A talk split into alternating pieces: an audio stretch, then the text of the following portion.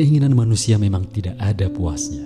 Seandainya manusia memiliki satu kilogram emas, ia akan berusaha mati-matian untuk memiliki dua kilogram emas. Jangankan cuma segitu, seandainya ia memiliki segunung emas dan umurnya sudah 70 tahun, ia akan tetap serakah untuk mendapatkan gunung emas lainnya. Itulah manusia. Tapi sayangnya sistem kapitalisme yang berlaku saat ini memfasilitasi keserakahan manusia. Sistem ini menjamin keserakahan segelintir manusia untuk menyengsarakan kebanyakan manusia lainnya. Sesungguhnya keinginan dan keserakahan manusia memang tidak ada batas, tetapi kebutuhan manusia sangat terbatas.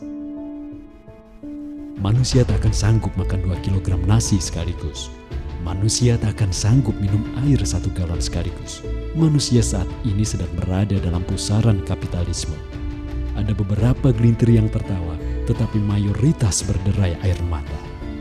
Akankah kapitalisme yang memfasilitasi keserakahan manusia ini terus dibela dan dipertahankan?